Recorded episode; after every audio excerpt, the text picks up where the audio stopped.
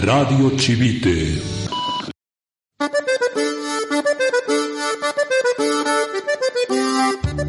Bo día a todos, boa tarde a todas.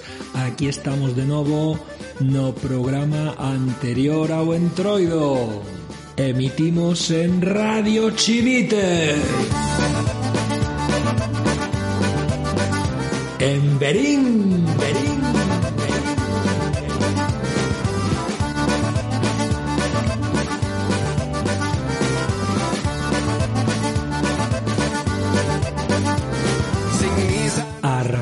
Comezamos un programa máis de Radio Chivite presentando as nosas seccións. As novas chivitianas onde podedes escoitar todo o que sucede no noso centro. Ao cargo delas, como sempre, Paula Gago e David Salgado de cuarto da ESO A. Seguimos con Novas Científicas de Martina dos Santos e Nuria Barreira de primeiro da ESO tamén novas co selo galego, que nos contan Uxía Pérez e Diana Calvo de Primeiro da ESOA. Nova sección en Radio Chivite, Adivinha quen é, presentada por Carla Rosas e Sara Xin Moredo de Primeiro de Bacce. E outra nova sección, As nosas dúbidas, que non la presenta Xavier Alonso de Primeiro de Bac C. En Bibliochivite, Zuleika Jiménez de primeiro da ESO B falándonos da actividade do Día da Paz. En Libros Vivos, Miguel Guerra e Antía González de segundo B e Marina Moredo de segundo A recomendándonos un videoxogo e unha serie de anime. Os entrevistamos ao exalumno o científico Fernando Estevez Casado. Unha entrevista moi moi interesante. Con vos Abraham, o profe de filo, coordinando todo, Isabel Cota, creando e compartindo boa parte dos contidos Guiomar Vázquez e o equipo de dinamización da lingua galega a colaboración sempre inestimable de David Rodríguez, o profe de música e Bibliochivite navegando grazas a Rebeca Ares e Maite González. Menudo equipo, señora, señora.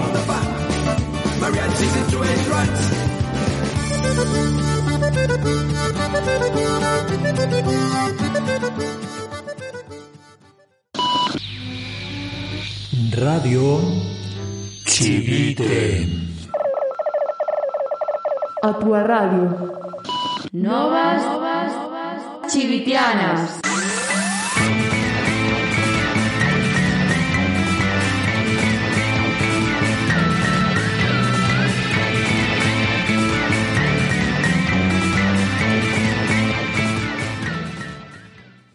21 días co galego e máis. Xa vos falamos no programa anterior de 21 días co galego e máis o proxecto no que este ano vai participar o noso centro. Neses 21 días que comezan o 22 de febreiro e chegan ata o 14 de marzo, vanse facer unha chea de actividades, por suposto, todas elas na nosa lingua. Xa fixemos un vídeo de presentación do Instituto e un vídeo sobre a biblioteca. Colaboramos coa radio Proxecto Neo de Burela participando nos seus programas. Eles tamén participarán en Radio Chivite. Faremos o fotocol da túa palabra favorita. En que consiste?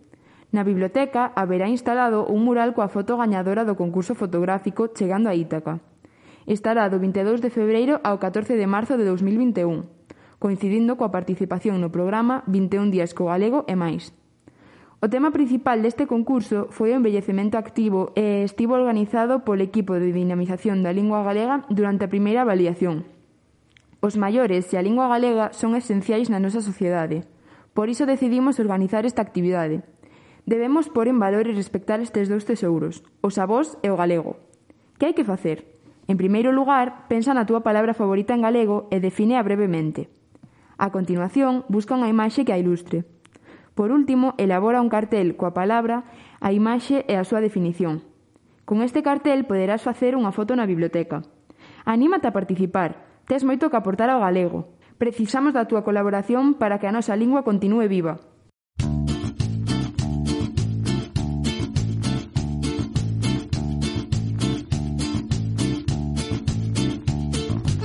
Máis actividades. Organizamos unha exposición das imaxes presentadas durante a primeira evaluación ao concurso Chegando a Ítaca.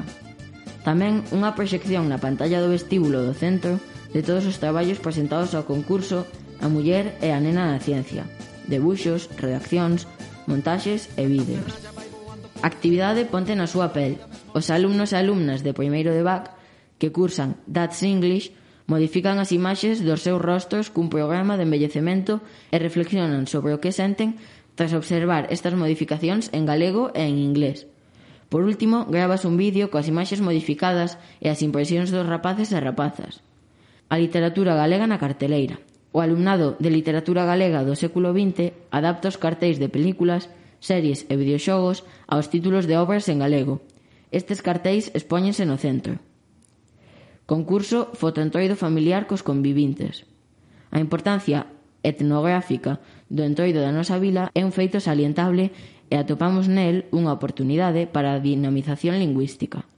Levamos desde o curso 2012-2013 organizando este concurso, e este ano, aínda que a pandemia da COVID-19 vai impedir que se celebre o entroido na rúa, pretendemos manter o concurso adaptándoo a esta situación.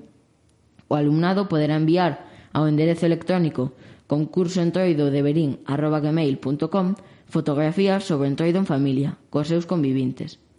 Cada imaxe irá acompañada dun texto orixinal relacionado coa fotografía que non supere os 140 caracteres. Subiremos as fotos e os textos recibidos ao blog normacigarrón.blogspot.com. Con todas as fotos presentadas, organizaránse unha exposición no noso centro.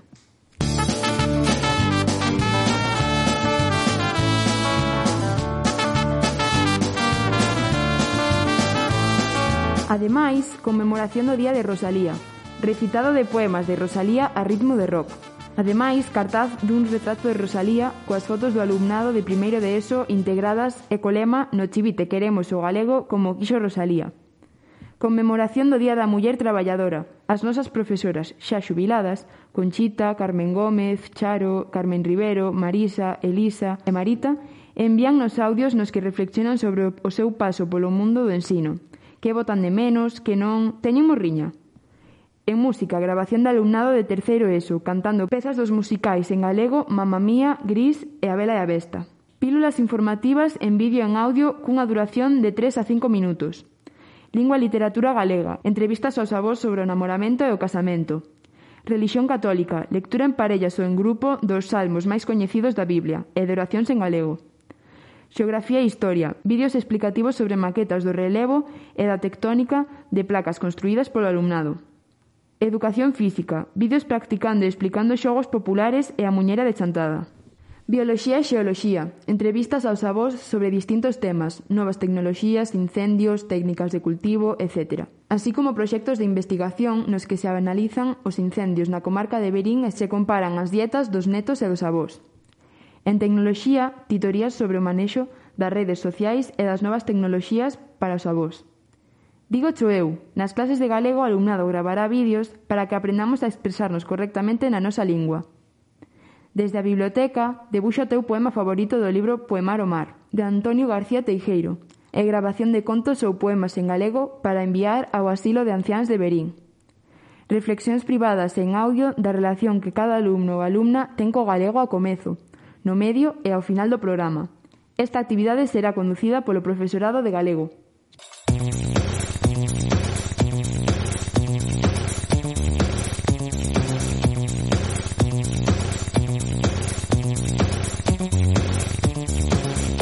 Sección Adivinha quen é?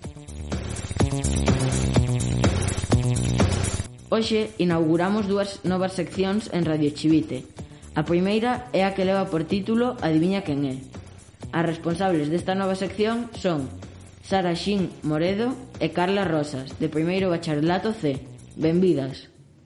Ola a todos e a todas. Son Sara Xin e vou vos falar desta nova sección. O obxectivo de Adivinha quen é é que coñezades personaxes relevantes de distintos ámbitos, como a literatura, a música, as matemáticas...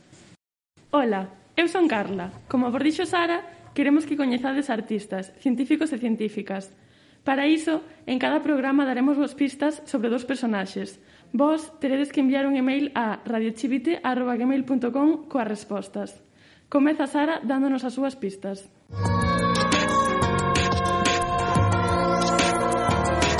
As súas obras teñen millóns de lectores. Matou a moitos negriños. A súa obra é moi cinematográfica Traballou nun hospital. Algunhas das súas obras publicáronse despois da súa morte. Empregou pseudónimo para algunha novela. Este primeiro personaxe de Adivinha quen é tennos todo o tempo adiviñando. Algún dos seus personaxes morreu nun tren. O personaxe principal de moitas obras súas non fuma en pipa, mais tamén é brillante. Que tal? Parecen vos pistas doadas? Se que si, escribide xa a Radio Chivite. Se non, a investigar. Imos co segundo personaxe. Adiante, Carla. Morreu moi nova. Foi a nai de Darío. Foi profesora de lingua e literatura castelá. Foi unha muller reivindicativa. Foi tradutora. Entre os seus versos están os seguintes. De certo, a vida ia en serio. Por iso morrer non conta números.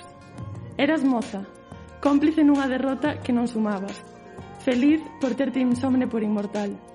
Xa temos cadáveres amigos e coñecidos. Sabemos da morte o legado inútil. Pero, que ridículo, non? Abrazalo feito feliz de xa medrar. Camiñar as aforas. En tempos asépticamente tan alienados. Con estes versos rematamos a sección de hoxe de Adiviña quen é, Lembrade, estamos a agardar polas vosas respostas en radiochivite.gmail.com Ata o vindeiro programa.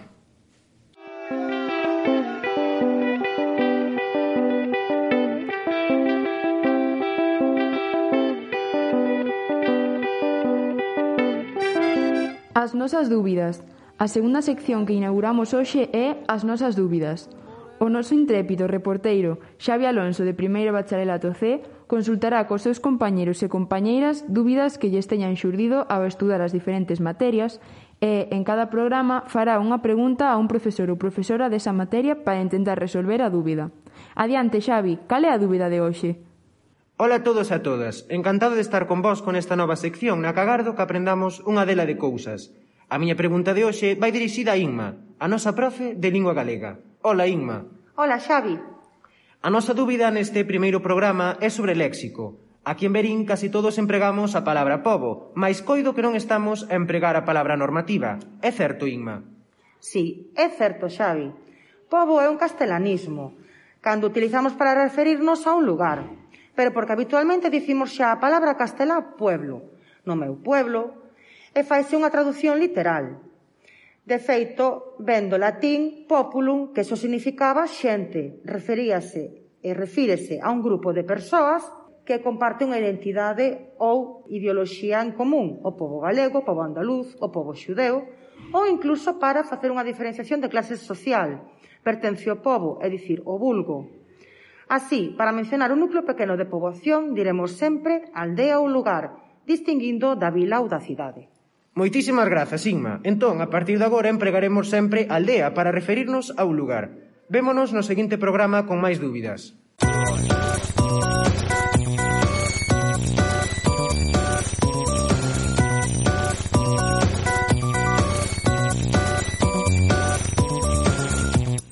Novas científicas e co selo galego. As nosas colaboradoras, Martina, Nuria, Diana e Uxía, de primeiro da ESO, traennos as súas novas. Adiante coa túa nova científica, Martina. Logran a primeira imaxe en 3D da COVID-19. Para obter a imaxe empregouse a técnica de tomografía crioelectrónica na que a mostra conxelada vai escaneando desde distintos ángulos, usando un microscopio electrónico. Non é unha foto, é a primeira imaxe real en 3D do SARS-CoV-2. É o máis cercano a mostrar o aspecto real do virus. A tomografía realizouse na Universidade de Tsinghua, en China. Os datos obtidos foron segmentados na Universidade Rei Abdalá. Finalmente, a empresa Nanographics asignoulle propiedades ópticas e colores. Coñecer a imaxe do virus axuda a estudar o seu funcionamento.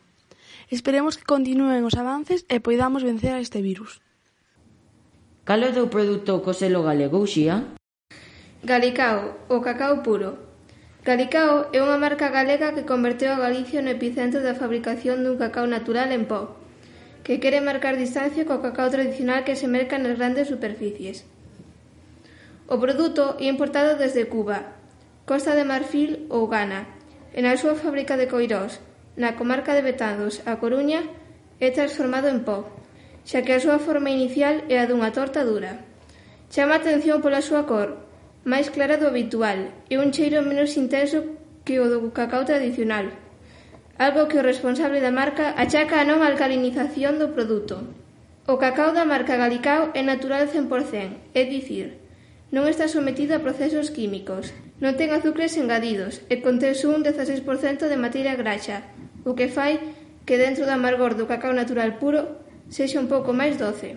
É un produto moi san e con multitude de propiedades nutritivas que, ao non conter azúcares, se pode complementar con mel ou canela para dulcificalo. Nuria, que nova científica vas compartir connosco? Como se forman as auroras boreais e cales son as súas características? No hemisferio sur coñécese como aurora austral e no hemisferio norte como aurora boreal. A aurora boreal prodúcese cando as partículas cargadas polo sol chocan coa atmósfera terrestre e o noso campo magnético diríxeas cara aos polos. Por iso falamos da aurora boreal para o polo norte e outra meridional para o sur. As auroras teñen forma, estruturas e cores moi diversas que tamén cambian rapidamente co paso do tempo. Durante unha noite, a aurora pode comenzar como un arco illado moi alongado que se estende sobre o horizonte. Arredor da medianoite, o arco pode comenzar a iluminarse. Poden formarse ondas ou rizos ao longo do arco e tamén estruturas verticais que asemellan a rayos de luz moi longos e finos. De súpeto, todo o ceo pode encherse de bandas, espirais e rayos de luz que tremen e se moven rapidamente polo horizonte. A súa actividade pode durar uns minutos a horas. Cando chega o amanecer, todo o proceso parece calmarse e só algunhas pequenas áreas do ceo parecen brillantes, ata que chega a mañá. O oxíxeno é o responsable das dúas cores primarias das auroras. Este fenómeno tamén existe noutros planetas do Sistema Solar, que teñen comportamentos similares ao planeta Terra. Tal é o caso de Xúpiter e Saturno, que teñen campos magnéticos máis fortes que a Terra. Urano e Neptuno tamén teñen campos magnéticos, e ambos teñen cintos de radiación amplos. O teu turno, Diana. O teu produto é... Os yogures Larsa. O leite co que se producen os yogures Larsa provén de vacas galegas que pastan en liberdade nos verdes prados da nosa terra e alimentanse de forma natural. O leite de pastoreo Larsa conta coa certificación de SGS, un prestixioso selo que avala estas prácticas sostibles. A calidade da vida das vacas vese reflectiva na calidade do leite e, por tanto, no sabor dos yogures. Por iso son tan cremosos e teñen unha intensidade inigualable. Se aínda non o fixeches, probaos e descubrirás que non hai outros iguais. Ademais, hai moita variedade de sabores, pero o máis vendido é o de vainilla. Estes yogures tradicionais son perfectos para aquelas persoas que gozan dos clásicos. Resultan ideais para toda a familia, pero encantean especialmente aos máis pequenos polo seu sabor. Os reporteros máis entendidos saben de primeira man que un yogur de Larsa é o mellor aliado para preparar o típico biscoito de yogur. Quen non utilizou un yogur de Larsa para medir as cantidades destas clásicas e sinxelas receitas? Elixe o sabor que máis che guste e dalle un toque diferente ás súas sobremesas. Ti decides se compartir o segredo ou guardalo para ti.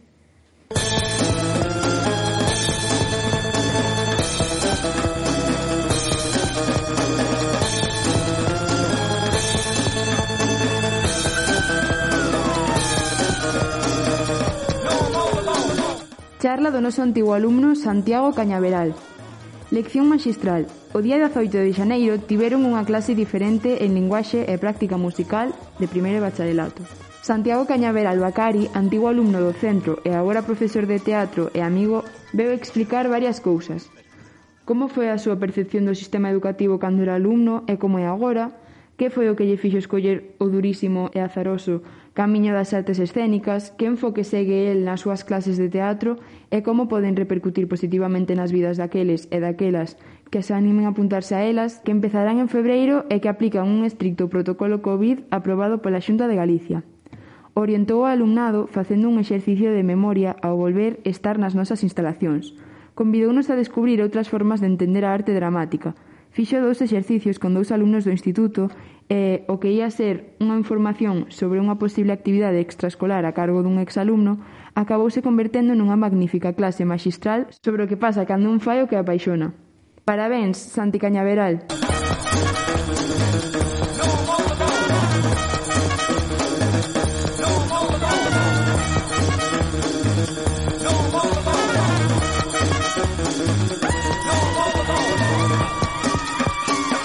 Vídeo da nosa antiga alumna Esther Estevez Casado. Faise viral. As redes sociais e as novas tecnoloxías ben empregadas son unha ferramenta moi útil á hora de aprender novas cousas e relacionarnos os uns cos outros. Exemplo disto é o fantástico vídeo que fixo Esther Estevez Casado, xornalista, actual presentadora do exitoso programa Digo Choeu e exalumna do noso centro, que xa foi entrevistada na pasada tempada de Radio Chivite. Trátase dun vídeo que se fixo viral tras subilo Esther á rede de TikTok, que normalmente asociamos a outros contidos. Nel podedes descubrir o significado da palabra zorra, en galego, que significa taineo, xa que zorra na nosa lingua dice raposa. O uso que Esther Estevez fai das redes cun ton próximo e distendido buscando enriquecer o noso léxico, tratando de aportar está moi lonxe do ruido confuso e ás veces agresivo, que en moitas ocasións atopamos nelas. Grazas, Esther.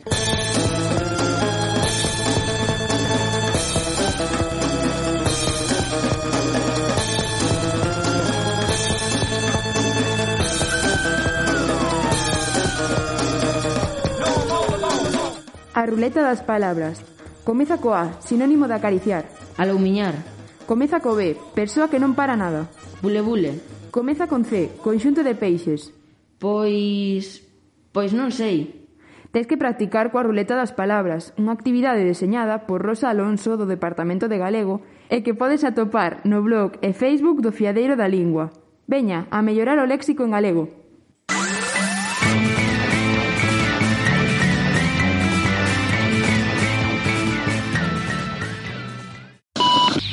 Radio Chivite. As nosas entrevistas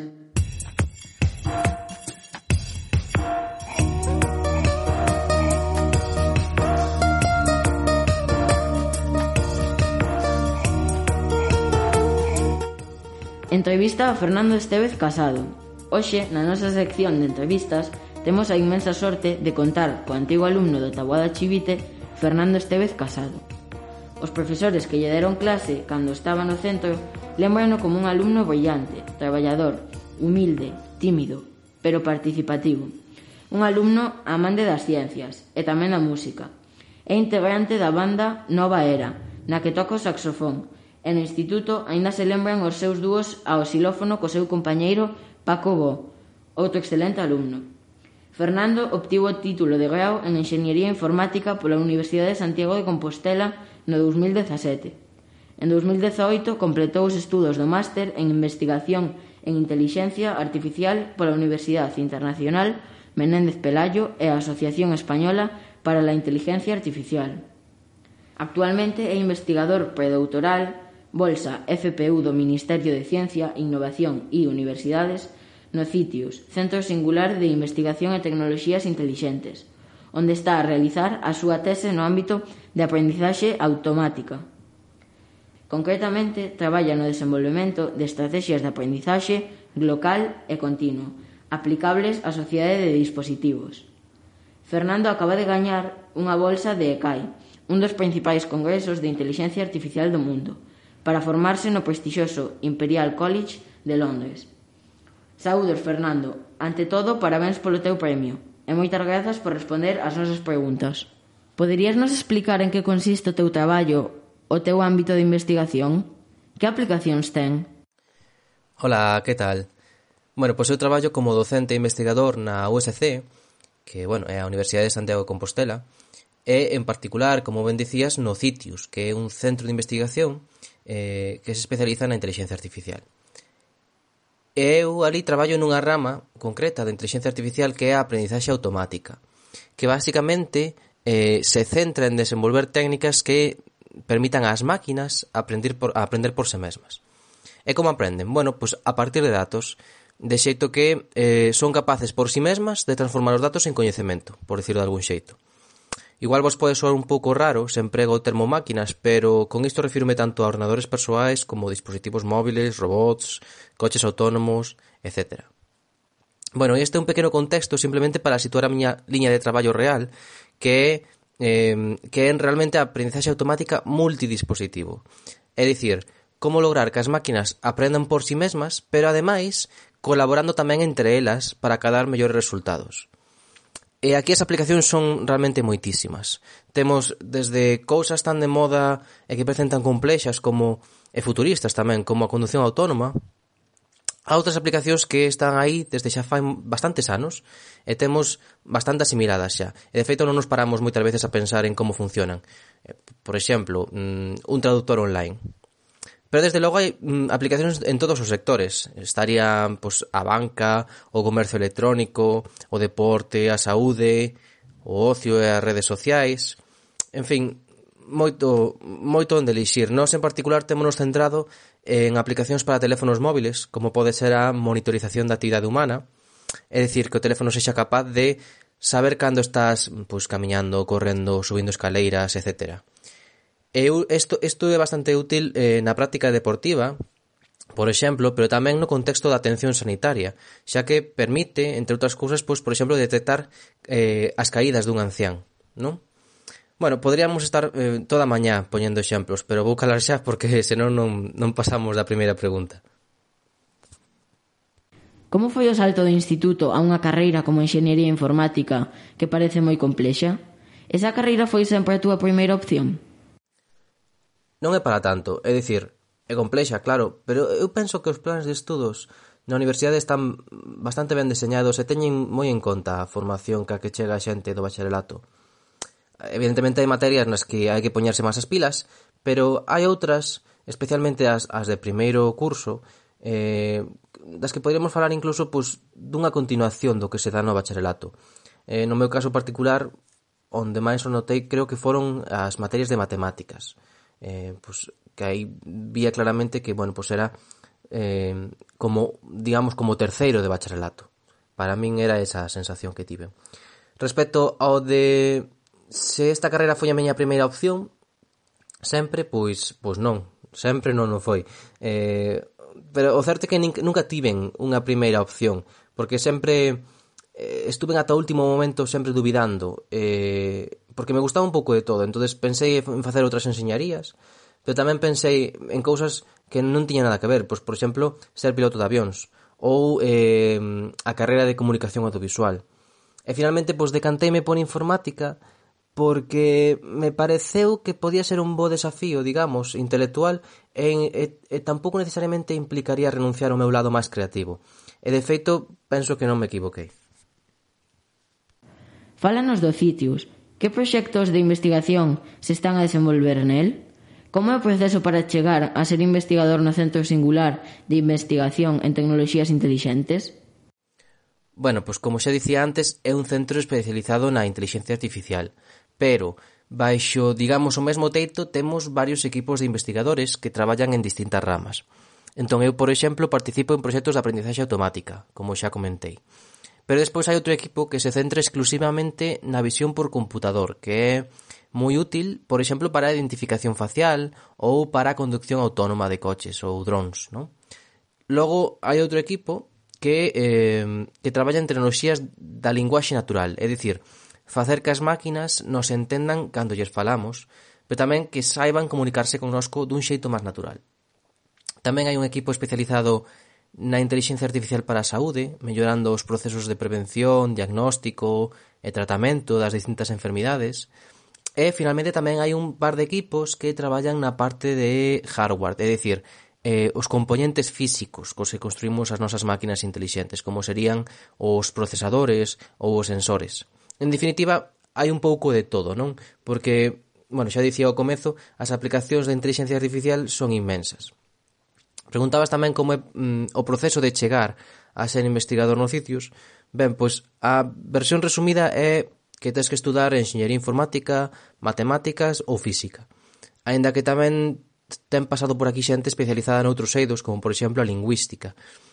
O centro realmente está continuamente na búsqueda de, de xóvenes con formación e talento, así que é simplemente cuestión de estar atentos ás convocatorias de contratos e axudas que van saindo tanto a nivel nacional como autonómico e, bueno, pois competir para conseguir un posto. Para o alumnado do noso centro que valora estudar Enxeñería Informática, con que dificultades se vai a topar? Como pode vencer eses obstáculos? A ver, isto é algo persoal, penso, pero o que máis me costou a min sen dúbida foi sacar tempo para facer todo o que tiña que facer e facelo ben porque, eh, polo menos na USC, esta carreira ten fama de ter unha carga de traballo moi moi alta. Así que, para min, a capacidade de planificación é algo esencial. Logo, pois, evidentemente, pois as matemáticas e a física son dous grandes piares sobre os que se levantou a computación, así que hai que ter un bo nivel, e especialmente en mates. E ademais sucede unha cousa que non creo que sexa habitual noutras carreiras, é que non temos formación previa en informática cando chegamos á carreira. Non me refiro a saber usar un editor de texto ou unha folla de cálculo, que iso xa se dá por suposto, senón eh, a que hai que aprender de cero eh, como, eh, a saber como funciona un ordenador e como lle damos instruccións, é dicir, como o programamos. E, por suposto, os profes pois, van a comezar a mate as materias partindo de que non sabes nada, no? pero aínda así é imprescindible que fortalezamos canto antes o noso pensamento lóxico e abstracto. Cal é a porcentaxe de mulleres investigadoras no teu campo? É de rapazas que estudan enxenería informática? É mínima, en ambos casos, é realmente unha mágoa. Mira, no Citius a porcentaxe de mulleres debe andar en torno ao 20%. E diría que a media en España pois, debe ser semellante. Pero claro, falamos de en xeral investigación en inteligencia artificial, non? Isto abarca pois, xente do eido da informática, pero tamén da física, das mates, como xa dicíamos antes. Pero, Se nos centramos exclusivamente na enxeñería informática as cifras son peores aínda. Por poñer o meu caso persoal, cando eu cursei a carreira en Santiago éramos un total de 60 alumnos. Bueno, 58 60 aproximadamente, non? Bueno, por deses 60 tan só había tres rapazas. E claro, nós non entendemos por que hai esta fenda tan alta, pero desde logo non é algo positivo para o noso sector. E, eu, a pesar de ser un home, animo a todas as rapazas do Chivite que están optando pola rama científico-tecnolóxica que se paren a considerar esta posibilidade.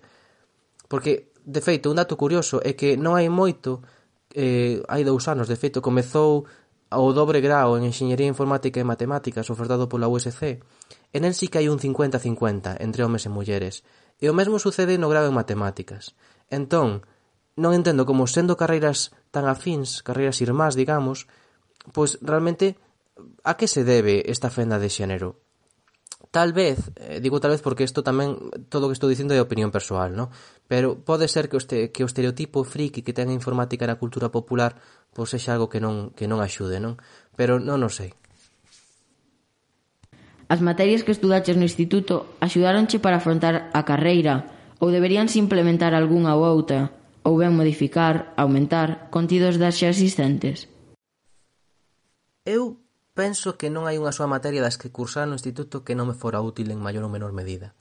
Incluso aquelas que non eran da rama tecnolóxica, como por exemplo as linguas ou a música, realmente son moi valiosas para adquirir competencias transversais. Por outra banda, como dicía antes, penso que sí que hai unha carencia en canto á formación tecnolóxica na sociedade. Eh, tal vez sería interesante adiantar a educación secundaria ou incluso a primaria materias nas que se den conceptos de lógica, programación, eh, robótica.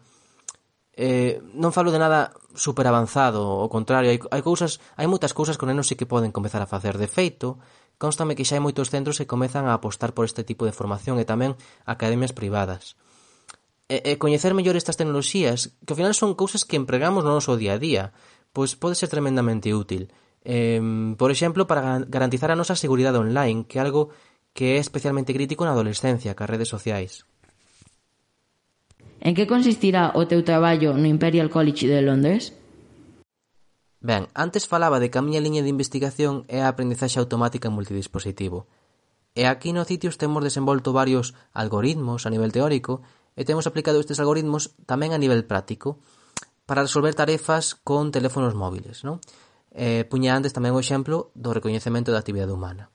Vale, pois outro tipo de dispositivos nos que é realmente interesante aplicar este tipo de estrategias de aprendizaxe son os robots. E precisamente o grupo que me vai a en Londres no Imperial é especialista en robótica. E en particular en robótica de servizo persoal, é dicir, robots que axudan a xente a facer tarefas do día a día. Podría ser o caso eh, máis, quizás o máis coñecido, o famoso Rumba, non? o robot aspiradora que nos axuda a limpar os chans de casa pero eles no Imperial especializanse máis no ámbito sanitario, entón teñen moitos robots pensados para axudar a xente con mobilidade limitada pois a erguerse, desplazarse, eh, vestirse, etc. Entón a idea é que poidamos, digamos, unir forzas para aplicar este tipo de estrategias de aprendizaxe nas que eu traballo a algún dos seus casos de uso na robótica de servizo. Que hai de certo no que vemos nas películas sobre a inteligencia artificial? Seremos reemplazados por robots nos nosos traballos? Que hai de certo, pois normalmente pouco, verdade, non sei se decepciona alguén dicindo isto, pero que sucede? Que gran parte do cinema de ciencia ficción pois amosa unha visión de inteligencia artificial digamos apocalíptica. E eu entendo porque ao final isto é o que vende. Pero a realidade está moi lonxe disto. Nas pelis amosase sempre máquinas cunha inteligencia artificial o que se denomina forte ou xeral, é dicir, que son capaces de pensar como os humanos e saben resolver gran cantidade de tarefas. Pero na vida real nin sequera sabemos isto será posible algún día. O que sí podemos facer a día de hoxe son máquinas especializadas en resolver tarefas moi concretas, pero moi moi concretas, ao punto de que eh, bueno, aprenden a facelo tamén que son capaces de resolverlas mellor que a nós. Entón, sobre o, o de se nos van a quitar os postos de traballo, Pois moitos casos non, pero algúns sí. Entón, nos vindeiros anos, pois posiblemente comezarán a desaparecer moitos dos traballos manuais, rutinarios, pero isto non é algo novo. Sucede, ou digamos, sucedeu en todas as revolucións industriais. Pero ollo porque tamén van ir aparecendo novos postos de traballo, que ata fai pouco non existían.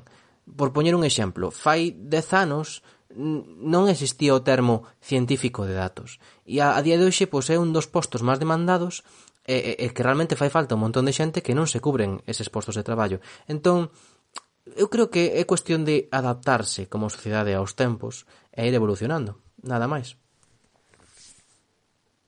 Como ves o panorama da investigación e da ciencia hoxe en día en España? Pois regular, a verdade. Desde logo non quero desanimar a ninguén a realizar unha carreira investigadora, senón ao contrario. Pero mm, pero o certo é que aínda nos queda moito por mellorar en España, eh, especialmente se nos comparamos co resto de Europa. Eh, digamos que a inversión en I+, D eh, en España aínda está moi por debaixo da media europea. E isto é, é moi grave. Eh, agora co da pandemia, pois semella que os políticos están dándose de conta da importancia da investigación digamos, como unha inversión de futuro, pero hai, hai que esperar e ver nos próximos anos como evoluciona o asunto. Onde te ves de aquí a 5 ou 10 anos? Pois non o teño nada claro, a verdade. Por agora, digamos, o meu horizonte é presentar a tese e doutorarme. E nese momento sí que vou ter que tomar, digamos, a difícil decisión de, seguir, de se seguir pola vía académica e intentar optar a unha plaza fixa de profesor na universidade ou, pola contra, pois marchar ao sector privado a algunha empresa. Esta segunda opción, pois realmente por veces é moi tentadora, xa que eh, habitualmente hai boas ofertas de traballo no meu sector. Sen embargo, eu creo que mmm, finalmente acabarei quedándome na universidade, porque sinto que terei como máis liberdade poñéndome os meus propios horarios, elixindo que quero investigar, etc. Agora ben, en que universidade ou cidade ou incluso país, nin idea. Eso o tempo o dirá. Como afectou a pandemia ao teu traballo?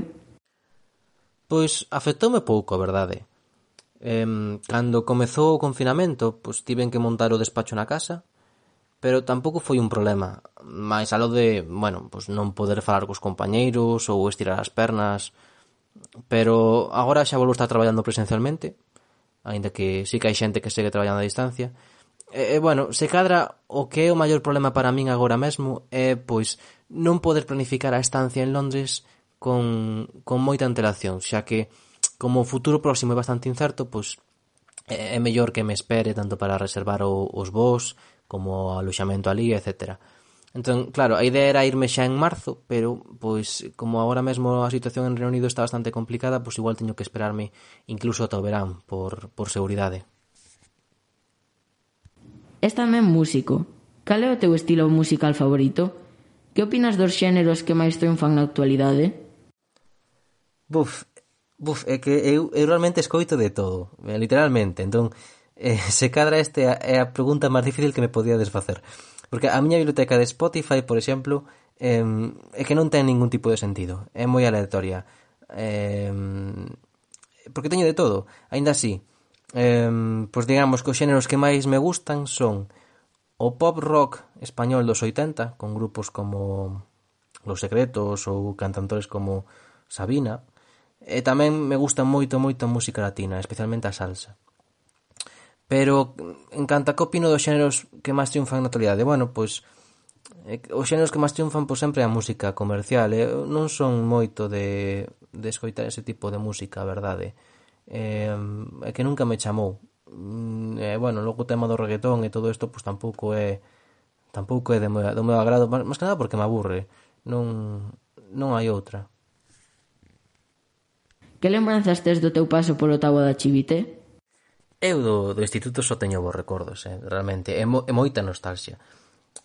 Porque para min foi unha época da miña vida de, de moita aprendizaxe, sí, pero creo que a palabra que o mellor que mellor o resume sería diversión. Porque eh, o que máis recordo é que sempre iba moi contento para a clase. Eu iba, iba en bici, chegaba ca miña bici, cos dedos conxelados polo frío no inverno, eh, subía correndo as escaleiras e eh, xa para a clase, e eh, fun realmente moi afortunado por estar rodeado de xente tan boa.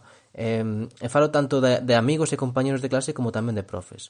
E eh, bueno, é que realmente era, era bo estudante, pero, pero non quere dicir que por pues, ser bo estudante pues, non, non me divertise, ao contrario, jolín, eu pasaba de maravilla. Eh, e non sei, o que, o que me gustaría aconsellarvos é que disfrutedes o máximo mentres dure, porque sei que agora está sendo unha etapa dura, moi difícil para todos, e non me quero imaginar como sería o meu paso por instituto privado de tantas liberdades pero no futuro ídelo recordar con moita nostalgia e morriña, así que eu quero mandarvos a todos e todas pois unha aperta enorme, moitísimo, moitísimo ánimo porque isto vai rematar máis cedo que tarde e o peor xa pasou, así que moito ánimo. Moitísimas grazas, Fernando. Moitas grazas a vos por convidarme, porque para min realmente foi un placer. Unha última cousa que me gustaría dicir, se me permitides, É que, cando a situación sanitaria o permita, pois eu estaría encantado de recibirvos no sitios e facervos un pequeno tour que axuda aos meus compañeiros. E así, pois ensinarvos un pouco máis en detalle a que nos dedicamos no centro. Porque, contalo de palabra está ben, pero eu creo que é moitísimo máis divertido se vides directamente vos aquí e vedes de primeira man en persoa pois un pouco a investigación, non? Así que, bueno, nada, aquí deixo a invitación e xa nos veremos no futuro. Unha aperta grande para todos.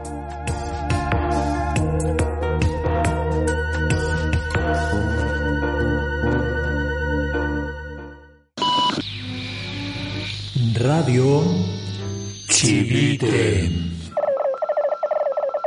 A túa radio. Bibliochivite, información da nosa biblioteca.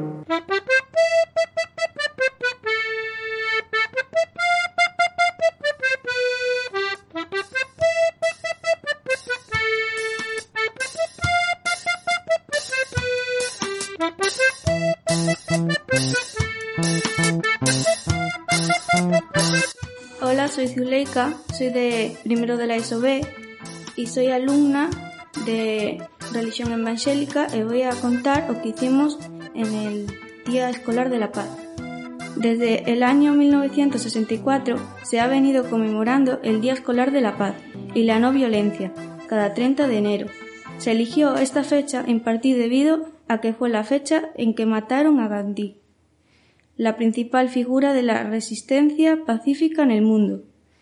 Valores como el respeto, la paz, el amor, la justicia, la tolerancia o la igualdad son motivos para recordar en este día.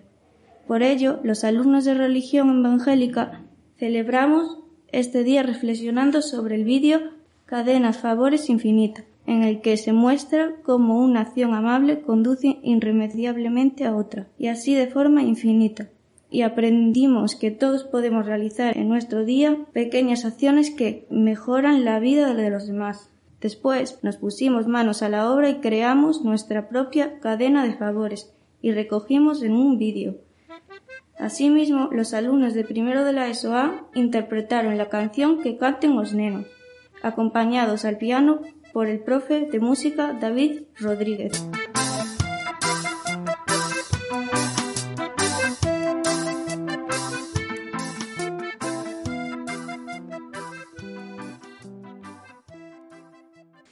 Libros vivos, vivos.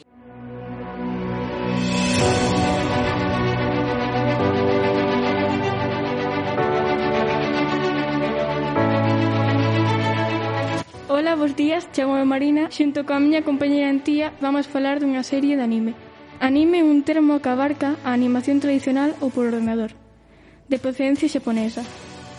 É un medio de gran expansión no Xapón, sendo ao mesmo tempo produto de entretenimento comercial e cultural. É unha forma de arte tecnolóxico.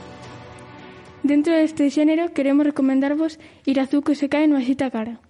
Esta serie foi emitida por primeira vez o 6 de outubro de 2018, cun total de 13 capítulos. Hitomo Tsukishiro é unha rapaza de 17 anos descendente dunha familia de bruxas, que creceu nun ambiente emocionante e depresivo, xa que perdeu a capacidade de ver colores. Poderíase dicir que é daltónica, Kohaku, a avoa de Hitomi, deprimida polo futuro da súa neta, envía ao pasado, ao ano 2018. Aí terá que atopar a súa avoa desde sete anos e o seu club de feiticeira de bacharelato. A animación desta serie é moi boa. As escenas dos distintos lugares reflexan unha calidez que emana armonía e tranquilidade. No caso dos protagonistas, o grupo complementase moi ben, Cumpre con todo dito anteriormente: as descricións, os sentimentos, as palabras e o tempo que comparten entre eles fai que a trama sexa moi fluida e entretida. Falando de todos os personaxes en xeral, ningún é menos importante que outro na historia. Todos terminan sendo protagonistas. Recomendamos esta serie porque é algo distinto, e tranquilo, relaxante e que paga a pena ver. Bos días, son Miguel de Segundo SOB e hoxe vou falarvos de dous videoxogos. O primeiro é o Minecraft, un xogo de construcción de tipo mundo aberto, que lle dá ao xogador libertade na forma de xogar. Ten varias formas de xogo. Supervivencia, onde creas un mundo, construas as túas casas e vives aventuras increíbles. Creativo, onde tes todos os materiais e podes crear increíbles monumentos sen risco. E aventura, onde hai mundos creados para vivir aventuras e facer misións. Estes modos de xogos son individuais, pero tamén podes xogar acompañados en mundos creados por outros xogadores, como parkour, TNT run, atrapabandeira, etc. É un xogo para todas as idades. A única condición é que haya imaginación para crear increíbles mundos. O segundo é Roblox, un xogo con miles de modos de xogos e mundos. Pásalo genial e riste porque podes xogar con persoas que non coñeces, e estas fan moita graza. E para todas as idades e tamén se pode poñer no móvil. Ainda que non ten grandes gráficos é moi entretido,